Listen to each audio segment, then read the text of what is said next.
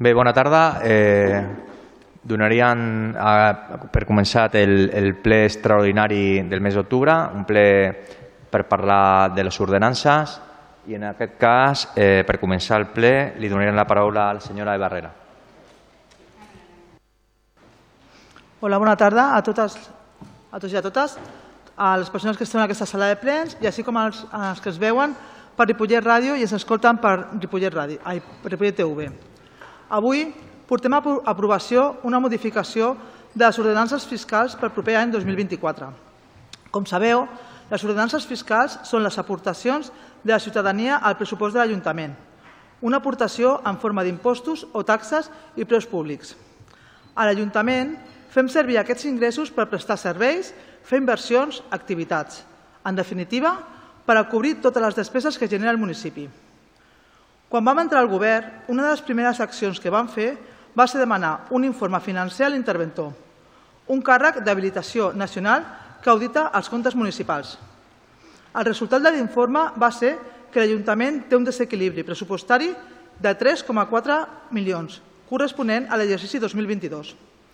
Això no significa que l'Ajuntament no tingui diners, ja que des de fa molts anys tenim un Ajuntament sanejat econòmicament. Tenim diners al banc el que significa és que existeix un desequilibri els ingressos reals que van rebre el 2022 i les despeses. És a dir, l'Ajuntament, amb el govern de Decidim, va gastar més del que va ingressar. Els pressupostos han de ser equilibrats, com els de casa nostra. No podem gastar més dels que ingressem, sinó llavors hem de tirar d'estalvis. Per aquest motiu, després de repassar tots els impostos i taxes que paguem i sempre intentant la menor repercussió a la ciutadania, proposem l'increment de la taxa de prestació dels serveis esportius, una taxa que des del 2012 no s'actualitza a l'IPC. En aquests 11 anys ha pujat un 25% i aquest és l'increment que apliquem a la taxa, però no a tots els serveis esportius. Per exemple, s'incrementa una mitja de 5,85 euros mensuals als abonaments tant individuals com familiars o als 15 euros al preu global dels cursos intensius de natació. En canvi, es mantenen els preus per a les activitats físiques dirigides, així com les entrades i bons de les, pistes, de les piscines cobertes i d'estiu. La segona modificació que proposem és a la taxa de recollida de residus, un increment que ve determinat per la llei 7 barra 2022 del 8 d'abril de residus i sols contaminants per a l'economia circular. Segons estableix aquesta normativa, la taxa ha de cobrir el 100% del cost total del servei de recollida i transport de residus a data 1 de gener del 2025. Per, això proposem un increment progressiu de l'import de la taxa en els propers dos anys. Amb el canvi del servei de recollida fet per l'anterior govern de Decidim, el cost del contracte ascendeix a 2.900.000 euros i, amb els 52,10 euros anuals que estem pagant les veïnes i veïns de Ripollet, des de fa més de 10 anys, només cobrim el 35,30% del servei i com, segons indica la llei, hem d'arribar a cobrir aquest servei al 100%. Enguany, incrementem la taxa fins a arribar als 91,88 euros en el rebut de la taxa domiciliària. En el cas dels comerços, l'import de la taxa varia segons la categoria de cada establiment. Amb aquest augment aconseguim cobrir el 61,77% del servei. També proposem una millora pel que fa a les bonificacions d'aquesta taxa de residus, que serà d'un 10% per a l'any 2024. Així, ja no caldrà que ningú la demani, sinó que la tramitarem directament des de l'Ajuntament. Igualment, eliminem les restriccions segons les zones d'implementació i tots els habitatges de Ripollet podran optar a obtenir aquesta bonificació, tenint en compte que tant amb la recollida porta a porta com amb els contenidors tancats es podran tenir les dades sobre la correcta participació de cada habitatge al sistema. A ningú ens agrada fer increment als impostos, però en aquests dos casos es tracta de modificacions que ens veiem obligats a fer tal com estableix la normativa vigent. Moltes gràcies. Molt bé, passaríem a les aportacions, eh, bueno, les intervencions de la resta de grups pel PP. Sí, buenas tardes. Por parte del Partido Popular, eh, subrayar que ustedes quieren hablar solamente de dos cosas, que es lo que, las, que, las que acabamos de oír ahora, pero por parte del Partido Popular vamos a comentar tres. La primera, como no podía ser de otra manera, es la subida en la tasa de residuos. Mm, indicar que Ripollet partía con ventaja, eh, con mucha ventaja. Lo que hace caro eh, el tema de la recogida de basuras es, en un primer momento, que las instalaciones estén fuera del municipio y en Ripollet no solo no están fuera, sino que están dentro del propio municipio. Además, el gobierno anterior, como usted indica, eh, también había hecho cosas. Entre otras, pagar un millón, y un millón doscientos mil euros para amortizarla. O sea que lo teníamos muy bien, porque en Ripollet, además, eh, el segundo factor que hace caro la recogida de basuras es que los camiones y el personal tengan que desplazarse a diferentes núcleos urbanos, que tampoco sucede, porque Ripollet es un único casco urbano que además no es precisamente muy grande, solamente tenemos escasamente cuatro kilómetros cuadrados. Pero, bueno, hemos sido víctimas de los gobiernos de izquierda. En un primer momento, eh, bueno, pues se optó por una manera de hacer las cosas, obviamente equivocada. No lo digo yo, lo dijeron los votantes en las elecciones municipales y nos encontramos con que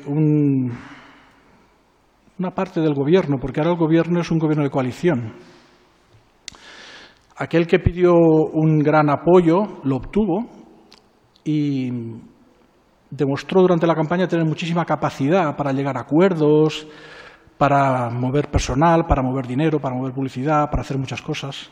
Y ahora que se trataba de gestionar eh, este tema, insisto, que con el que partimos con ventaja, tenemos un sistema que él mismo está escuchando en la calle, con el que no se está de acuerdo, y además él mismo, eh, con esta, vamos a decir, gestión, encima le aumenta 244.000 euros la factura final. Total. Que Ripollet, partiendo con ventaja, gracias a dos gobiernos de izquierdas e independentistas, nos encontramos ahora que nos convirtieron en un conejillo de indias, con un sistema que obviamente no era oportuno para una zona urbana, y que en vez de pagar, y no lo, dice el Partido Popular, lo dicen ustedes, tendríamos que pagar escasamente un millón de euros, a pesar de todo eso vamos a pagar tres. Claro, dice muy poco de su gestión, dice muy poco de sus capacidades y dice muy poco de lo que, en fin, vamos a sufrir los vecinos de Ripollet hablando solo de la tasa de basuras, que en este caso va a aumentarse casi al doble y ya se nos anuncia que va a subir hasta tres veces lo que estamos pagando ahora. En segundo lugar, nos encontramos, insisto, con uno de los grupos que se presentó a las elecciones, que se jactaba mucho de que el tema del deporte era algo que, como partido, como formación, querían promocionar. Claro, los precios que ustedes están poniendo Em, dice muy poco. Es decir, con dinero público hemos mejorado las instalaciones deportivas y ahora resulta que la forma de promocionar el deporte es subir un disparate el bono personal mensual para el uso de las, instalaciones deportivas que hemos pagado todos con dinero público y lo mismo con los bonos familiares, por ejemplo, o sea que tampoco es una ayuda precisamente mensual a las familias que quieren hacer deporte. Y por último, la tercera cosa que desde el Partido Popular queremos subrayar, entendemos que es fácil de entender que mm, cuando se gobierna, eh, pues no sé, un partido puede tener unas prioridades y otro partido otras. Pero las prioridades que uno tiene cuando gobierna se reflejan en cosas tan importantes como las tasas. Si gobierna un partido que su prioridad, por ejemplo, es tener en cuenta que en Ripollet vamos a tener un grave problema con los coches, porque como no empecemos a tener electrificación, precisamente, precisamente porque somos una zona muy densamente poblada, vamos a tener un grave problema llegado el caso, pues bueno, por ejemplo, ¿eh? un, equipo de gobierno puede plantearse el hecho de rebajar tasas si una persona pues, se hace con un, un, vehículo eléctrico. Y pongo este ejemplo como podría poner un montón. Ustedes no, han puesto un montón, no han puesto ninguno. Es decir, las ideas que uno pueda tener de gobierno en un tema como las tasas son cero. Cero absoluto. Es decir, tendremos que ser los partidos o los ciudadanos, con nuestras alegaciones, las que indiquemos qué hay que facilitar desde las tasas y qué no. No hablar de dos temas, con la gravedad que puedan tener ambos, y punto.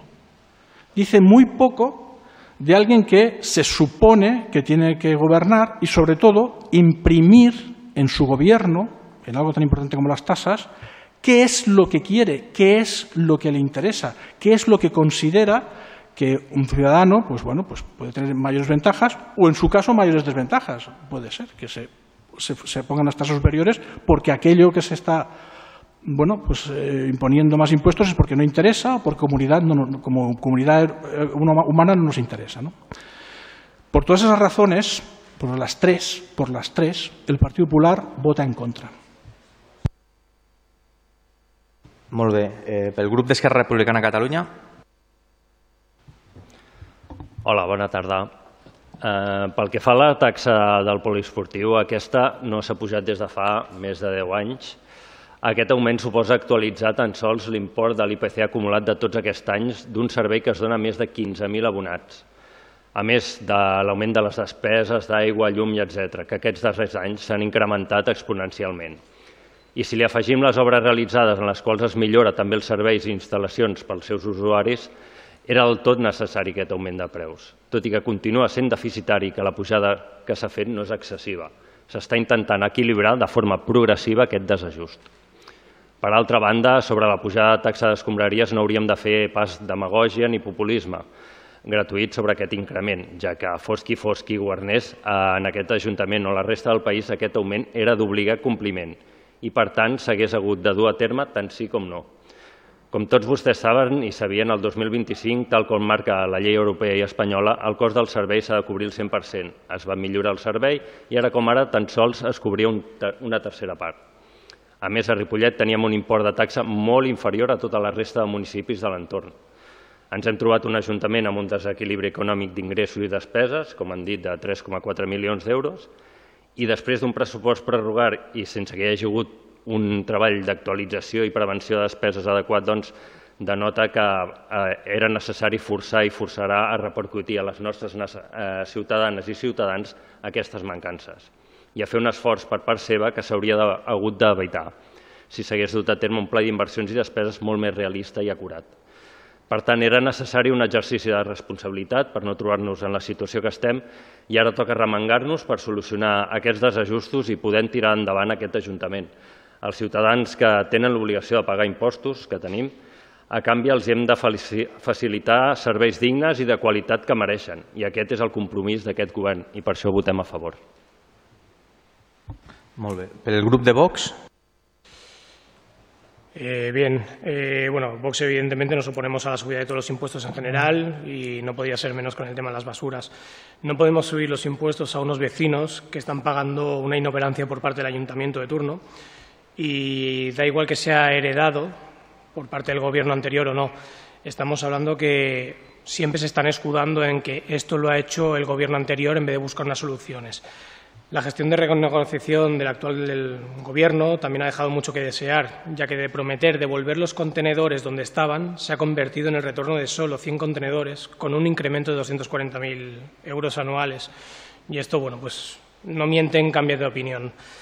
Tampoco vemos que se penalice a los vecinos, eh, no vemos bien que se penalice a los vecinos que reciclen mal, según cómo tienen eh, las basuras. Los vecinos no tienen por qué hacer el trabajo que debe hacer el ayuntamiento y tampoco las, empresas responsables de la recogida y el reciclaje. Sí que vemos bien, por otra parte, que haya bonificaciones a aquellas personas que lo hagan bien. Eh, pero claro, aquí venimos también un poco a qué es hacerlo bien, cómo se controla que se haga bien y entramos en el desacuerdo de la aplicación de medidas de control social con códigos de, por mediación de tarjetas y QRs. El único fin es el controlar qué y quién recicla. Eh, se empieza por estas medidas y se acaba penalizando al que come carne dos veces a la semana o el que ha tirado el plástico inorgánico el día que no toca.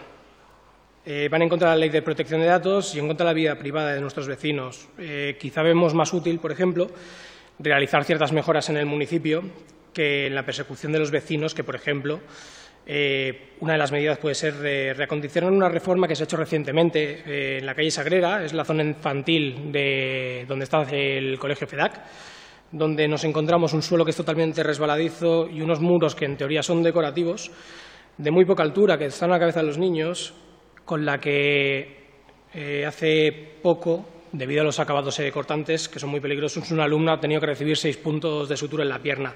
Entonces proponemos que el dinero se emplee realmente en cosas necesarias y no en ir persiguiendo a los vecinos. Por este motivo votamos en contra. El grup de Decidir en Ripollet. Bona tarda a totes i tots. Uh, dies després de, del, primer, uh, del primer Globus Sonda no, en roda de premsa parlant sobre el desequilibri pressupostari, ens trobem aquí, en aquest ple extraordinari, per aprovar les ordenances fiscals de l'any vinent. I dic això perquè és evident que calia elaborar un relat, anar-lo treballant i coent a poc a poc, modulant, augmentant-lo, fins a crear un imaginari que servís d'excusa per incrementar les taxes municipals. Hem estat vuit anys explicant les dificultats que teníem per tirar endavant projectes amb els ingressos municipals, uns ingressos que ja es van veure en seu moment retallats per l'anul·lació de l'impost de plusvàlua i uns ingressos sobre els que les energètiques han incrementat la seva queixalada. Però per què parlo de buscar una excusa? Doncs perquè aquesta auditoria interna de la que s'està parlant i que serveix per fer aquests increments no és nova. Nosaltres la vam estar fent trimestralment i ja es veia aquest tensionament pressupostari. Però no penseu que ens la quedaven per nosaltres, no. Aquestes auditories passaven trimestralment pel ple. Així que o bé la posició no estava fent la feina de llegir-se els expedients, que llavors ja ho haguessin detectat, o bé ens han mentit. Per una banda, perquè sabent la situació demanaven baixades de taxes de cara a la seva permanent campanya electoral i per altra, fent-se ara els sorpresos i preocupats per la situació econòmica, fent-nos servir d'excusa per fer el que els socialistes estan fent en tots els municipis veïns, pujar taxes i demanar esforços a la gent, perquè n'hi ha que ja governaven i han posat les excuses, és clar. Arribats aquí, potser la gent es preguntarà per què sabent tot això continuaven tirant endavant projectes tensionant sense pujar taxes? Doncs bé, pujant any a any, així com una gota malaia o així a l'engròs, com ara, doncs, doncs ja està, ja ho teníem, no? Perquè total, què són 16 euros d'increment del servei d'atenció domiciliària en el tram del col·lectiu més vulnerable econòmicament? O 95 euros en el que cobra una pensió o, o, o tenen un, un sou gairebé mileurista, que són 6 euros o 8 euros en els abonaments del poliesportiu o l'augment dels cursets de natació sense comptar en el que representa per les famílies de més d'un fill, filla o filli. I no, no ens responsabilitzeu a nosaltres de l'augment de la taxa de residus sota el pretext de que el Ripollet de Porta és més car.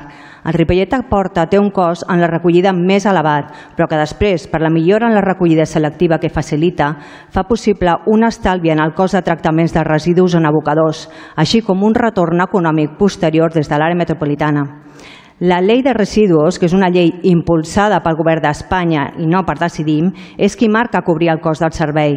I no feu més malabarismes amb el sistema anterior, també hauríeu pujat les taxes, com de fet estan fent la majoria de municipis. De fet, pel que fa al Ripollet a Porta, és posar, el que fa és posar les bases per tal que la taxa no es dispari. Com millorar la recollida, com millor recollida selectiva fem, menys pujarà. I no sembla que totes les mesures de modificació del Ripollet a Porta vagin en aquesta direcció. Sense oblidar que és precisament el Ripollet a Porta el que permet fer les bonificacions per participar en el sistema. Unes bonificacions que vostès, i només vostès, han decidit que siguin més petites, passant del 25% de bonificació al 10%. Perquè què representen totes aquestes pujades per la majoria de les nostres veïns i veïnes? Ho han pensat de debò? Han pensat en les conseqüències de l'escalada de preus, dels preus dels aliments, de les hipoteques, dels subministraments bàsics, de les matèries primeres i dels combustibles en el cas dels autònoms? Una situació que venim patint de llarg i que s'agreuja diàriament? No és just que la crisi del sistema capitalista l'acabin pagant les persones que no tenen ni veu ni vot en els espais internacionals on es prenen aquestes decisions i és responsabilitat de l'administració municipal, la més propera, no fer més difícil el seu dia a dia i defensar i treballar per l'accés universal de les persones als serveis públics de qualitat. I això és el que ens diferencia, entre altres coses, a vosaltres de nosaltres, cap a on apuntem. En la darrera actualització d'ordenances vam apuntar a les grans empreses subministradores que fan servir el sol municipal per passar les seves infraestructures, canonades i clavegram. Vam voler apuntar a les grans empreses que s'estan enriquint a costa nostra a canvi de gestionar béns bàsics com l'electricitat i l'aigua, donant a més a més un servei de tercera categoria. És en aquesta línia que anuncio que presentarem una al·legació per tal que s'implementi la taxa Amazon a Ripollet, una taxa que va implementar Barcelona i que ara Sant Cugat estudia implementar. Amb aquesta taxa apuntem cap als grans operadors postals per aprofitament de l'espai públic i generació de residus i, de pas, protegim el nostre comerç local perquè és a les grans empreses on cal apuntar i no a les persones que amb prou feines arriben a finals de mes. És contra aquests goliats que cal lluitar i no posar-los catifes vermelles, rentint-nos els interessos de lobbies com els d'aigües de Barcelona o Endesa. Aprofiteu tot aquest poder assolit per fer força davant els governs, governs governats per vosaltres per avançar en legislacions que permetin gestions públiques i no vinguin aquí amb excuses del tipus el perro se ha comido los deberes i per això cal encarir-ho tot mentre m'apuja el sou. Que sí, que és molt populista, però objectivament és veritat. Perquè sí, hi havia desequilibri pressupostari, ull també amb l'ús del vocabulari, perquè nosaltres no hem volgut mai renunciar a millorar la qualitat dels serveis municipals dintre de la legalitat i sempre que hi hagués diners, com ha sigut el cas. No vam voler renunciar a res i vam lluitar contra l'ostracisme i el desànim i per fer-ho hem hagut de picar moltes portes, treballar en molts projectes per tal d'aconseguir recursos econòmics fora, administracions més riques que nosaltres. I sí, és dur, cal treballar molt, cal posar-hi molta imaginació i moltes hores si volíem millorar Ripollet sense que pel camí ofeguéssim a impostos. És més fàcil, però, el que venim a fer aquí, pujar taxes a quilo per fer encara no sabem què, fer pagar més pel servei d'atenció domiciliària, que poc se n'ha parlat aquests dies, perquè és clar que és deficitari, és clar que és un pou sense fons amb la situació econòmica que tenim a Ripollet, però què som? Gestors que mirem cap a una altra banda davant les dificultats dels més vulnerables? I des de quan les polítiques socials han d'estar traçades pel mercantilisme i la productivitat? En un moment de crisi socioeconòmica, d'incerteses, on la guerra que ara s'obre Orient Mitjà farà trontollar els maleïts mercats i on tot s'encarirà més i més, cal continuar exprimint a les veïnes i veïns de Ripollet? Per tot això, el nostre vot serà en contra. Molt bé. Aleshores, tenim els vots a favor de PSC, Esquerra Republicana, els vots en contra de PP, Vox i Decidim. El punt queda aprovat, però abans de, de donar per finalitzat el ple sí que m'agradaria algunes coses i aclarir alguns temes que han sortit aquí que em sembla que, bueno, francament, o, no s'enteren o no es volen enterar. Al señor Dieguez. Señor Dieguez, eh, nos dice usted eh, que habría que poner unas rebajas de tasas de los vehículos eléctricos. Yo, yo es que le invitaría, es que ya le ha pasado más veces a que usted revise, antes de hacer este tipo de afirmaciones, se informe, lea las ordenanzas municipales, porque la tasa de, la, la tasa de vehículos, el impuesto de, de, vehículos, tiene una bonificación del 75% en Ripollet. Es que ya la tiene, tiene una bonificación del 75%. Es que tenemos una bonificación en el IBI del 50% para la instalación de placas fotovoltaicas en Ripollet, por cinco años. Por cinco años el 50% del IBI, cuando hay muchos municipios que no tienen nada de todo eso. Nada, y en Ripollet tiene el 50%. Es que de verdad, es que no es el primer pleno que le pasa, es que ya, ya le pasó en el pleno anterior. Yo le pido, por favor, que se prepare bien los puntos y no meta metidas de pata que mete continuamente. Se lo digo de verdad, se lo digo, se lo digo eh, que por favor se lo prepare mejor, porque es que dice cosas que no son ciertas, como que se tendría que hacer una bonificación en, el impuesto de circulación de los vehículos, cuando ya existe, si existe el 75%, léaselo, es la tercera bonificación que hay, la tercera. Hay varias. Pues la tercera es esa. Léaselo. Antes de decir estas cosas, léaselo. No venga aquí con discursos eh, demagógicos, por favor. Si usted sabe que tenemos que aplicar la ley Usted lo sabe porque su gobierno ha gobernado en el Estado. Tenemos que aplicar una ley que se aprobó en el 2022, la ley 7 barra 2022 del 8 de abril. Yo entiendo el discurso de SIDIN, que ellos digan que las leyes no hay que aplicarlas. Ya, también lo decían cuando estaban en la oposición. Ya han vuelto al rol de la oposición de que había que hacer insumisión fiscal y que no había que pagar impuestos eh, y, no había, y había que ser, eh, no, había que, no había que pagar los impuestos y había, no había que cumplir las leyes. Después han estado ocho años y las han cumplido. ¿Y sabe dónde tenemos las cuentas? Tenemos las cuentas de los bancos en el BBV, en el Banco Sabadell y en la Caixa. Y había que sacar el dinero de esos bancos, porque eran los bancos que tenían el monopolio, que explotaban a la gente. Pero en ocho años no han hecho nada. Siguen ahí las cuentas. Siguen ahí. Este, este es el gobierno que hemos tenido. Usted, yo creo que, que, puede hacer un discurso mucho mejor que el que ha hecho. De verdad, prepáreselo mejor la próxima vez. A Vox, eh, ha mezclado temas. ¿vale? Yo le agradezco el tono con el, que, con el que ha hecho el discurso. Ya, ya sabía que iba a votar en contra. Su discurso es un discurso de derechas, de bajar impuestos, pero en un momento como el que tenemos, donde tenemos un déficit de 3,4 millones de euros, es imposible hacer eso. Imposible hacerlo, de verdad. Imposible. A nadie le gusta subir los impuestos. ¿Usted se piensa que nuestro gobierno venir aquí a un pleno a subir los impuestos es agradable? ¿Decirle a los vecinos y vecinas que les tenemos que subir los impuestos es agradable? Pues por supuesto que no. A ningún gobierno le gusta subir impuestos. A ninguno. Ojalá pudiésemos no tener que subir impuestos, pero ¿verdad que queremos seguir manteniendo los servicios? Todo el mundo quiere seguir manteniendo los mismos servicios. Y en Ripollet tenemos unos servicios, pues son los que son, algunos mejores y otros mejorables. Obviamente pero son los que tenemos y no vamos a reducir servicios, tenemos que mantener los servicios que ya están, no queremos reducir ningún servicio.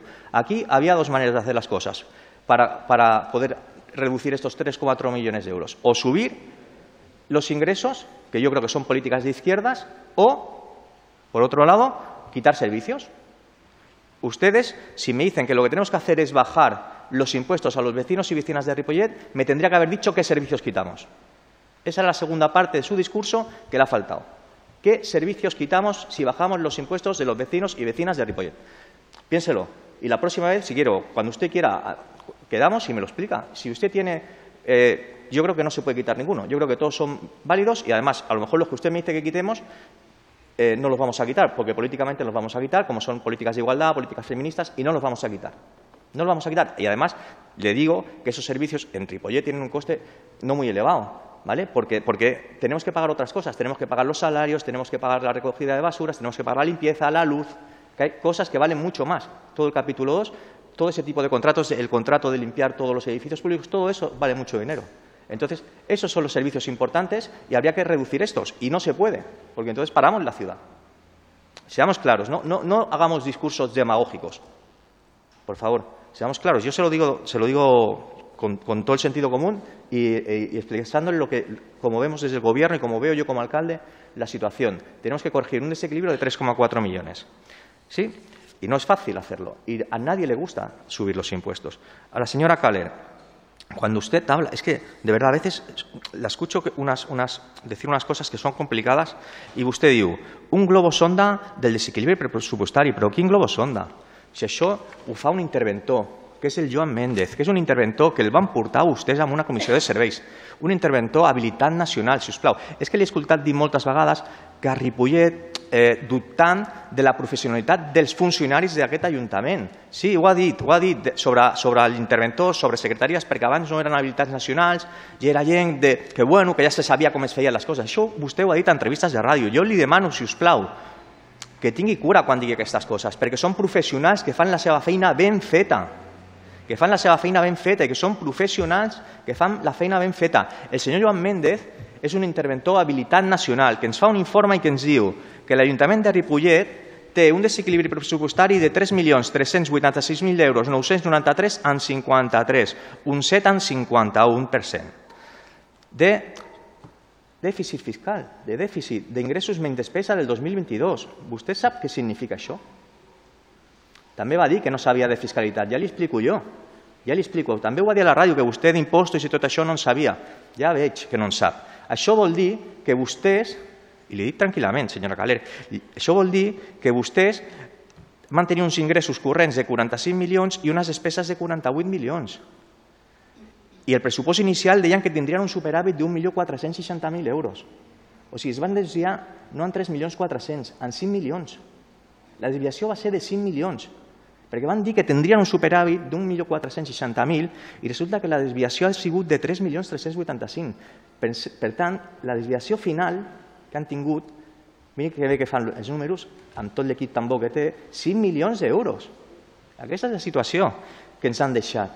I això és el que hem de corregir. I a més, ara vostè en diu que les lleis són de l'Estat, que no són les lleis de decidim, però vostè on viu?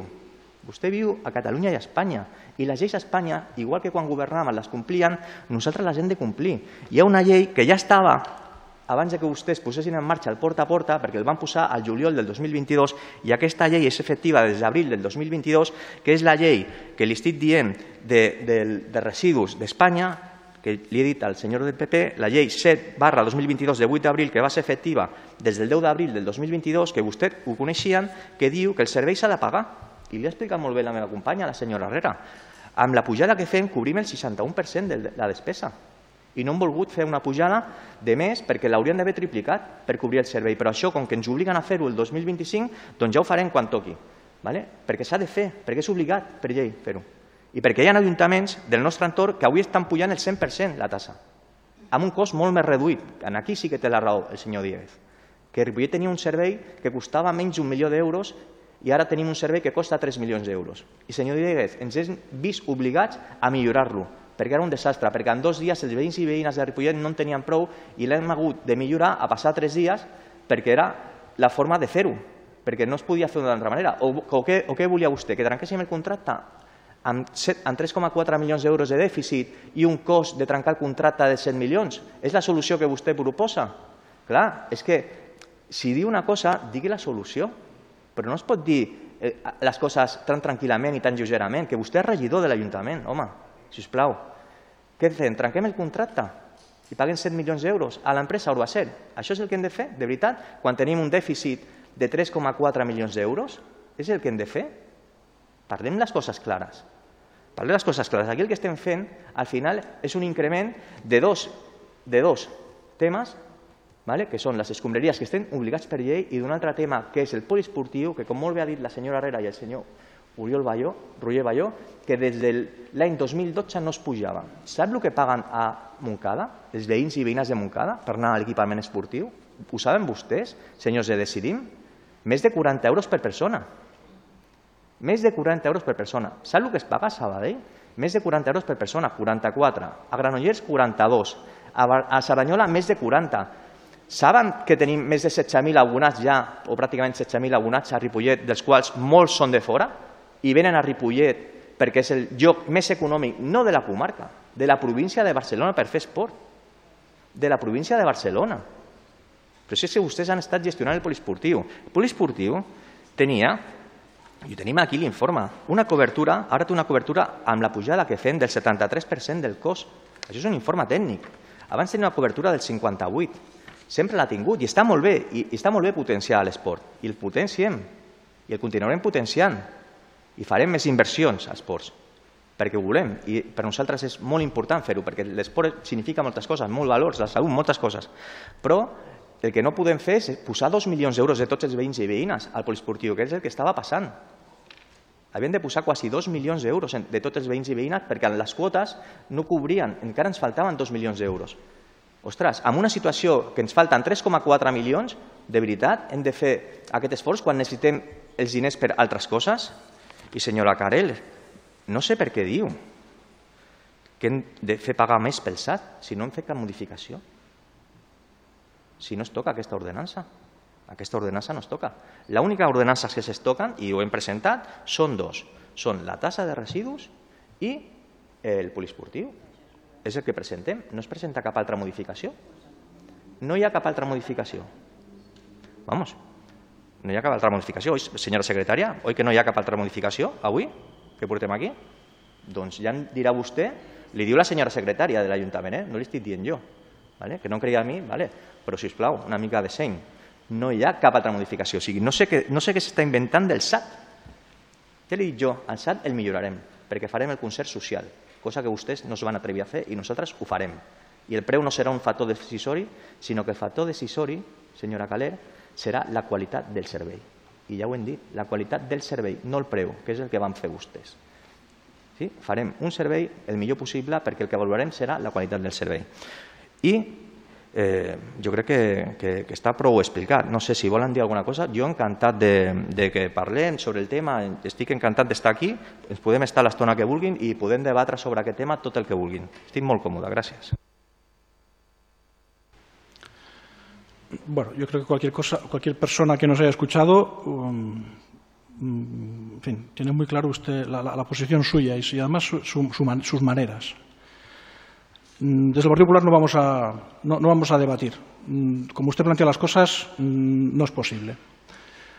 Desde el Partido Popular lo único es indicarle dos cosas. Una, lo que venimos a decir aquí es en uso de nuestra libertad, en uso de nuestra capacidad de atender lo que los vecinos sufren, lo que los vecinos nos trasladan y expresamos en libertad lo que nosotros consideramos.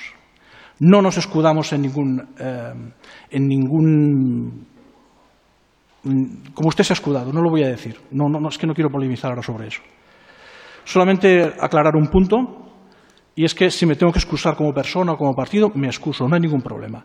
Yo pienso que cualquier persona que ha, escuchado la intervención del Partido Popular Creo, creo que se ha entendido. Si no, lo repito. Usted ha dicho que no entienden o no quieren entender. Yo le digo que o usted o no lo ha entendido o no lo ha querido entender.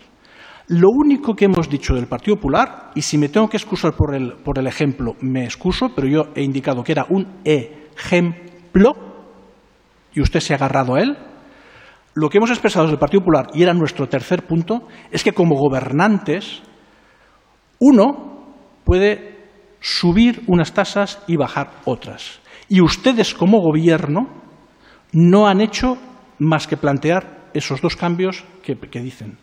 Y lo único que nosotros hemos expresado, no sé si el ejemplo era bueno o malo, no lo sé. Lo que sí hemos expresado es que si uno dice yo quiero apoyar al deporte, pues entonces rebaja de alguna manera el tema del deporte y, como usted bien dice, pues ajusta de otro sitio. Eso es lo que nosotros veníamos a decir en uso de nuestra libertad. Que cuando uno gobierna puede estirar la manta de un sitio y evidentemente se destapa de otro. Y eso no sucede en esto que estamos planteando hasta aquí.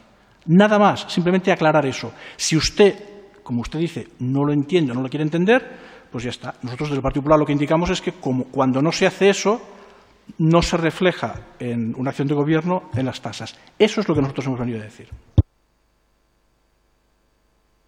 Señor. Bueno, yo antes por alusiones a los temas demagógicos, es curioso que usted de, me esté diciendo que hacemos demagogias, puesto que acaba de decir que es muy costoso pagar los salarios del ayuntamiento.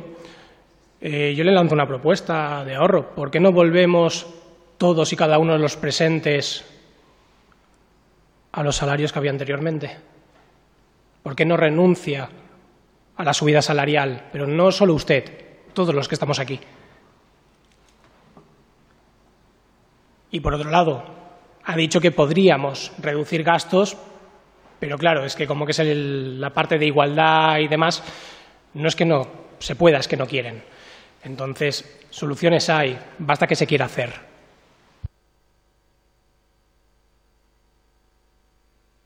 Per? Jo la veritat és que em sumo al que ha comentat al principi del, del seu retorn el Víctor. Em sembla, ja, ja ho vaig dir, és veritat, tu que vas escoltar la meva entrevista molt acuradament, també vaig dir que el to era... Mm, bueno, és que ja no, no el puc qualificar de veritat no el puc qualificar, de donar-nos aquí lliçons, de maltractar-nos, de tractar-nos d'idiotes, de que no sabem fer res.